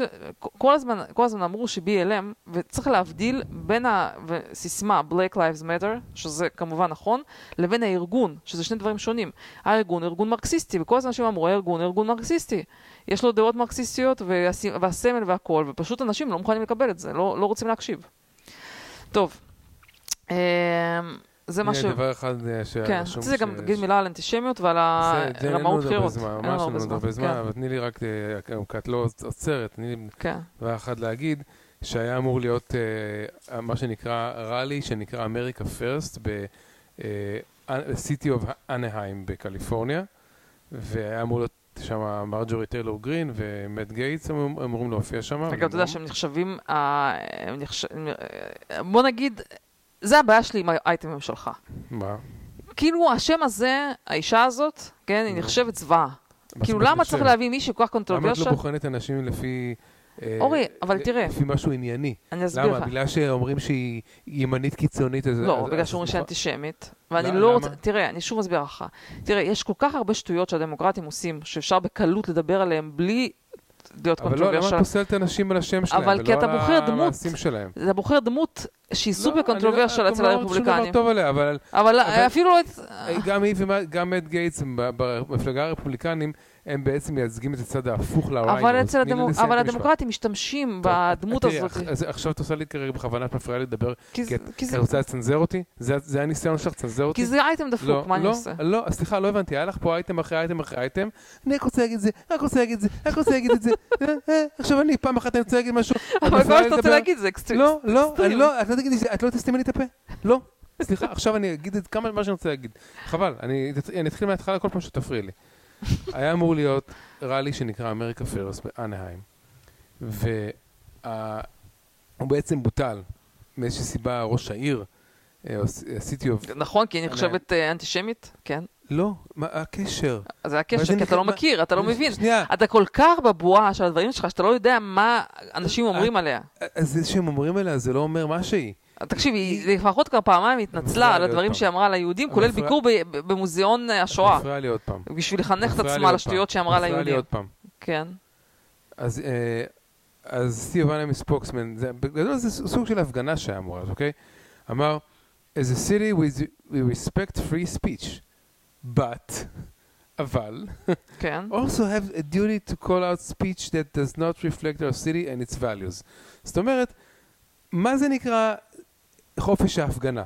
חופש ההפגנה זה להפגין, אבל אם אתה לא reflecting the city and its values, אז אתה לא יכול להפגין? תסבירי לי, כאילו, מה, איך, איפה, כאילו, איפה ההיגיון פה בחופש ההפגנה? אני אסביר לך, כי תופסים אותה, כי תופסים אותה כמישהי ממש אנטישמית, וזו דמות לא, שהיא לא לגיטימית, תפסיקי לחזור על זה. הדמוק... אני אסביר לך, אני... אתה... יש לך בעיה שאתה רק רוצה להנהל בעמדה שלך. תגידי תקשיב. לי דבר אחד שעשתה. תראה, תגידי לי דבר אחד שעשתה. קודם כל היא אמרה משהו עם הלייזר הזה, משהו על היהודים. אני לא, איזה בעיה, אתה מעלה את אמרה את זה- וישר, אין לי כוח היא אמרה את לכאן, זה אני לא... שנתיים לפני- שהיא נבחרה לקונגרס, אז מה? תקשיב, הבנתי, היא העיפו אמרה אותה. מעבודתה בקונגרס, נכון? הדמוקרטים העיפו פיטרו אותה. אותה על סמך דברים שהיא אמרה שנתיים לפני שהיא נבחרה. לא משנה, אומנם היא התנצלה, אבל היא נחשבת דמות מאוד בעייתית. כל- גם הרפובליקנים, היא עושה להם צרות, הם לא סובלים, הם- מבחינתם היא צ- היא עושה כרגע צרות. את מדברת נרטיב. את לא, לא נרטיב. תראה, היא- מאמינה בהרבה קונספירציות, אין מה אוקיי. לעשות, והיא מפיצה אותם, בסדר? איך היא מפיצה? תגידי מה היא אמרה. למשל, היא כתבה בפייסבוק כל מיני שטויות. שמה, שטראמפ ניצח בבחירות? לא, היא? כתבה בפייסבוק, למשל, שהיהודים הם איזשהו לייזר או משהו? עשו את. שנתיים? מה זה משנה? אני לא יודע אבל. זה עמדה מאוד בעייתית. עכשיו תקשיב. אבל זה לא משנה, אי אפשר לעשות הפגנה שהיא גם משתתפת בה? תראה, מה הקשר? היא נחשבת דמות מאוד לא לגיטימית. את לא, בנרטיב. לא, אני לא בנרטיב, אני לא מתכוונת להגן עליה, ואני לא מתכוונת, כאילו זו הטעות שלך, שאתה תמיד בוחר איזה נושא אקסטרים. לא, איך הנושא הזה אקסטרים? אורי, הדמות הזאת, אצל הדמוקרטים, היא לא- יותר אתה- גרוע זה- מטראמפ. זה לא היה הנקודה, הנקודה אבל הייתה... ברגע שאתה, אתה אפילו לא מבין שאתה מזכיר, לא אתה התחלת. להקריא את האייט, אני מכירה את האייט היטב. הנקודה הייתה שאמור נו. להיות הפגנה, והעיר החליטה שההפגנה לא לטעמה, אז ביטלו אותה. אבל נכון, אבל תקשיב, אם נגיד בעיר שלך יעשו הפגנה של הנאצים, לצורך העניין, הם רואים בה, אתה צריך להבין מה שהדמוקרטיה רואים בה נאצית. אתה יכול להגיד, אתה, אתה באמת, את קנית הדבר הכי. גרוע שאתה יכול לעשות זה להגן עליה, את קנית את הנרטיב. הדבר הכי, זה לא רלוונטי, אבל כשאתה בא לבחור את הנושא הכי אקסטרים, והכי למה זה, זה הכי אקסטרים? מה חופש- לעשות שהיא... חופש ההפגנה זה אבל נושא תקשיב, אקסטרים? הדמוקרטים עושים כל כך הרבה שטויות, שדווקא לבחור, להגן על זה שהם מבחינתם נאצית, לא רוצים שנאצית תהיה זה, זה, אני, אבל אני מה- לא רוצה למה. עכשיו- למה את עושה עכשיו סטרומן שאת אומרת שהיא נאצית? היא לא נאצית. אבל לא אני. מסבירה לך את הצד שלהם, למה הם ביטלו את ההפגנה שלהם. אבל זה, לא, אל תסביר, את יודעת מה, לא צריך את ההסברים שלך, תודה רבה, תמשיכי לאייטם הבא. אוקיי, אז אני רציתי בקטע של בת, כי, כי יש עוד אידיוט אחד שאמר היום בת, ודווקא בקטע של אנטישמיות, ותן לי רגע לראות אם אני שנייה מוצאת את הטוויט, כי כן, אז מישהו שבשם קנת רות, שהתפקיד שלו זה Executive Director, Human Rights Watch, כן? אמור להיות מישהו שמבין ב-Human Rights, כותב ככה, Antisemitism is always wrong, and it long preceded the creation of Israel, but עכשיו, אני אפילו לא רוצה להמשיך את הבת, אבל ברגע שאתה כאילו, אנטישמיות, זה גרוע, אבל, ואתה מסביר למה בעצם זה מוצדק, ואז אני רק אני כן אמשיך. The surge in United Kingdom antisemitic, antisemitic incidents during the recent Gaza conflict gives the lie to those who pretend that Israeli government's conduct doesn't affect antisemitism. בעצם מאשים את זה, שמה לעשות, בגלל, ש... בגלל שממשלת ישראל מתקבלת פורה, זה מסביר את האנטישמיות בעולם וביונייטד קינגדום והכל. עכשיו, אנשים יצאו עליו כאילו בצורה, אמרו, לא הבנתי, אישה, אתה יודע, נתנו מלא מהגבלות, אישה עמוקה וזה, אבל אולי אפשר חצאית קצרה, אתה יודע, מיליון דוגמאות שאתה מאשים את הקורבן. שזה כמובן מאוד מבייש. כאילו, בכלל, כאילו, אני לא מבינה את הקטע הזה שאנשים חוטפים משפטים מבט, זה מאוד intellectually dishonest, כן? ואני בשוק שהוא לא מחק. אני בשוק שהוא לא מחק את ה... הבטריה של המיקרופון מתחילה להיגמר, אז כן. מה... אה, אני רציתי עוד להגיד מילה כאילו קטנה על אנטישמיות, שהיום ראיתי את החדשות של, על הפגסוס, על הכלי סייבר הישראלי. של חברת NSO. של חברת NSO, וכאילו, אתה יודע, מדברים על זה הרבה. זה לא, מעניין אותי לדבר על זה רק בהקשר אחד קטן. יש בטוויטר אזור של trending, ו... סליחה, trending ומראים כמה נושא מסוים, כמה retweets או כמה tweets יש עליו. והיום פתחתי את הטוויטר, ורוב הנושאים היה כמה אלפי, אלפים. זה כבר מזמן אין נושאים שהם מספיק מעניינים להגיע אפילו לעשרות אלפים. והנושא הזה של הפגסוס הזה, היה בו משהו כמו 300 או 200 אלף טוויטס, כן? עכשיו, אתה יודע למה זה קורה? אני יכולה, 100 אחוז, אני אומרת, זה קשור לאנטישמיות. אה? לא, לדעתי זה 100 אחוז קשור לאנטישמיות, כי אנשים הם רוצים אוהבים את הנרטיב שישראל מתערבת כן? בעניינים של כן, העולם. זה שזה הנושא היחיד שגרם לאנשים, עכשיו נכון, יש פה קונספירציה, נכון, תקפו כל מיני עיתונאים וזה, וגם חברת NSO, ראיתי את התגובה שלהם, לא. שזה הרבה פחות נורא ממה שהציגו את זה, כאילו הם אפילו לא, לא, לא כאילו הכחישו את זה, רק אמרו שזה פחות ממה שהם מציגים, כי שם הציגו כאילו בערך כל העולם. אבל זה כל כך מתיישב לתוך הנרטיב הזה שישראל והיהודים שולטים בעולם, אגב, הם וזה די וזה. מסכנים האנשים שעובדים שם, הישראלים לדעתי, כן. יהיה להם מאוד קשה נגיד לקבל ויזה הברית וכאלה דברים. מה זה קשה בלתי אפשרי לדעתי. כן. לא, אבל אני אומרת, זה שראיתי שזה הנושא היחיד, ש... כי אנשים כל כך אוהבים להראות שהיהודים גרועים, והישראלים גרועים, שזה מה שגרם לכולם. זה היה פשוט, כאילו, מבחינתי, ממש... זה, זה לא שזה עניין של עצוב, זה שאותם היהודים והישראלים פה, הטיפשים, אני מצטערת, שכאילו חושבים שאין אנטישמיות, וזה רק נגד ישראל, הם פשוט לא מבינים שאנשים רק מחפשים להיכנס בישראל וביהודים. וזה שיש, אתה יודע, וקרו מיליון דברים, בדרום אפריקה המדינה מתפרקת, בקובה המדינה מתפרקת, הקורונה וזה, ובסוף שזה הנושא שמעניין את כולם, תעשה לי טובה. כאילו אין לזה סיבה. זה במקרה, זה לא קשור לשנאת יהודים בעולם. כן. טוב, רציתי לדבר על הרמאות בחירות, אבל אה, לא רמאות, על כל הזה, אבל לא יודעת. טוב, נגיד- אולי נחכה עם זה עוד קצת? לא, בוא נחכה עם זה עוד קצת. טוב, אני אגיד משפט אחד קטן- קטן רק, אה, באריזונה היה איזשהו שימוע שדיברו על חלק מהתוצאות של ה... אודית. אה, של האודית, עדיין לא כן. פרסמו את כל התוצאות שאני... כמה זמן הדבר- יש לנו? רק אני רוצה להגיד. הדבר, יש לנו כן. פה שעה ורבע. אוי, טוב. הד- הדבר הכי מעניין שיהיה, שהולך להתפרסם, זה באמת הספירה של כמה פתקים הם ספרו, כאילו כמה קולות הם באמת ספרו, כן? טוב. וזה עוד לא פורסם. אה, וגם הנושא של ג'ורג'יה עלה הש- השבוע קודם, ובעצם מה שאני רוצה, משפט אחד שאני רוצה להגיד על זה, זה שאנחנו מתקרבים לנקודה שה statement שאומר שהיה widespread fraud, אוקיי? שבגללו מחקו לאנשים חשבונות בטוויטר, והעיפו אנשים והכל, כן? ה statement שהיה widespread fraud, זה מתחיל להיראות כאילו נהיה statement נכון. וזה מדהים לא. מבחינת הצנזורה, שצנזרת אנשים שאמרו לא, משהו שבדיעבד היה נכון. לדעתי אתה אם זה ממש... היה- אם זה יתברר כנכון. אורי, נו באמת, זה לא רציני עכשיו מה שאתה אומר. שנייה? אני רוצה להגיד... זה אם זה יתברר כנכון, אז הצנזורה של הדבר הזה הייתה מאוד חמורה. תראה, השיטה. שאני? השיטה שאני ואורי ניגש לנושא הזה של התוצאות של האודיט וכולי, זה שאנחנו נעבור על דברים, ואני והוא כבר בצורה מתודית ניסינו להסביר גם למה זה שקר. זאת אומרת, אנחנו באמת בצורה מאוד מתודית מה אומרים שקר? מה הטיעון. שנייה, אני ואתה, אני לא מסכים, אני רואה את מה שהם כותבים, ואני אומרת, רגע, בוא נסביר את זה, למה זה יכול להיות, כן? למה למשל... 100, לא יודעת מה, 20 אלף ככה, כאילו כל המסקנות שהם פרסמו שם, כל דבר, למה בעצם אפשר להסביר אותו, כן? וזה לא באמת, לא באמת שקר, זה טוב. סתם זה. ג'ני, צריך לשמוע את הטיעוני נגד וטיעוני טיעוני נגד נכון. וטיעוני נגד. אני, אין לנו זמן לזה. נכון, אין. אין לנו זמן לזה. אבל הדבר היחידי אולי שכן יש לי משהו מעניין להגיד, זה משהו ברמה יותר היי-לבל, זה שהשאלה המעניינת באמת, איך אתה עושה שיטת בחירות שהיא auditable בצורה קלה, או שהיא כאילו zero proof audit, כמו שיש, טוב, אין לנו זמן. מילה, בסדר. כמו שיש כאילו הצפנה, שאתה לא באמת צריך לסמוך על אף צד, אתה כן. יכול פשוט ללכת, ואתה יודע ששני הצדדים משקרים, וזה ברור ששני הצדדים משקרים, כן? לי זה ברור ששני הצדדים משקרים, או ששני הצדדים incompetent, שילוב של שקר ו incompetence, ואף אחד לא אומר את האמת, אני, זה, אני יכולה ממש בסדר, להראות. שכל אחד יכול לוודא שהקול שלו נספר. כן, לא משנה, זה, איך אתה שלא- בונה שיטה, שלא ספרו קולות איך אתה בונה שיטה.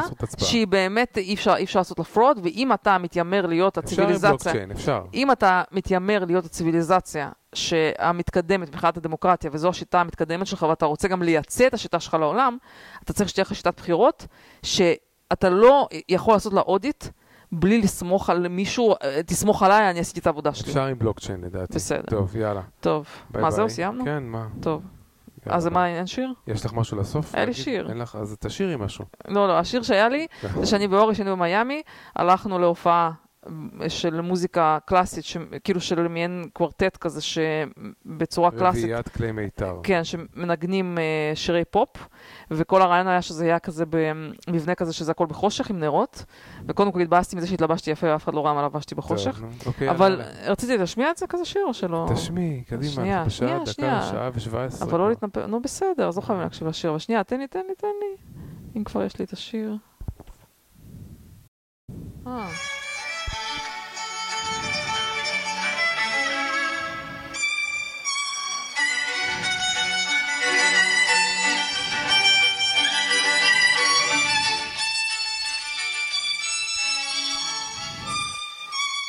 אני מזהה את ג'ני, זה השיר שביידן השמיע ללט- ללטינואים, ללטינקסים, יאללה, נכון? ביי. יאללה, ביי.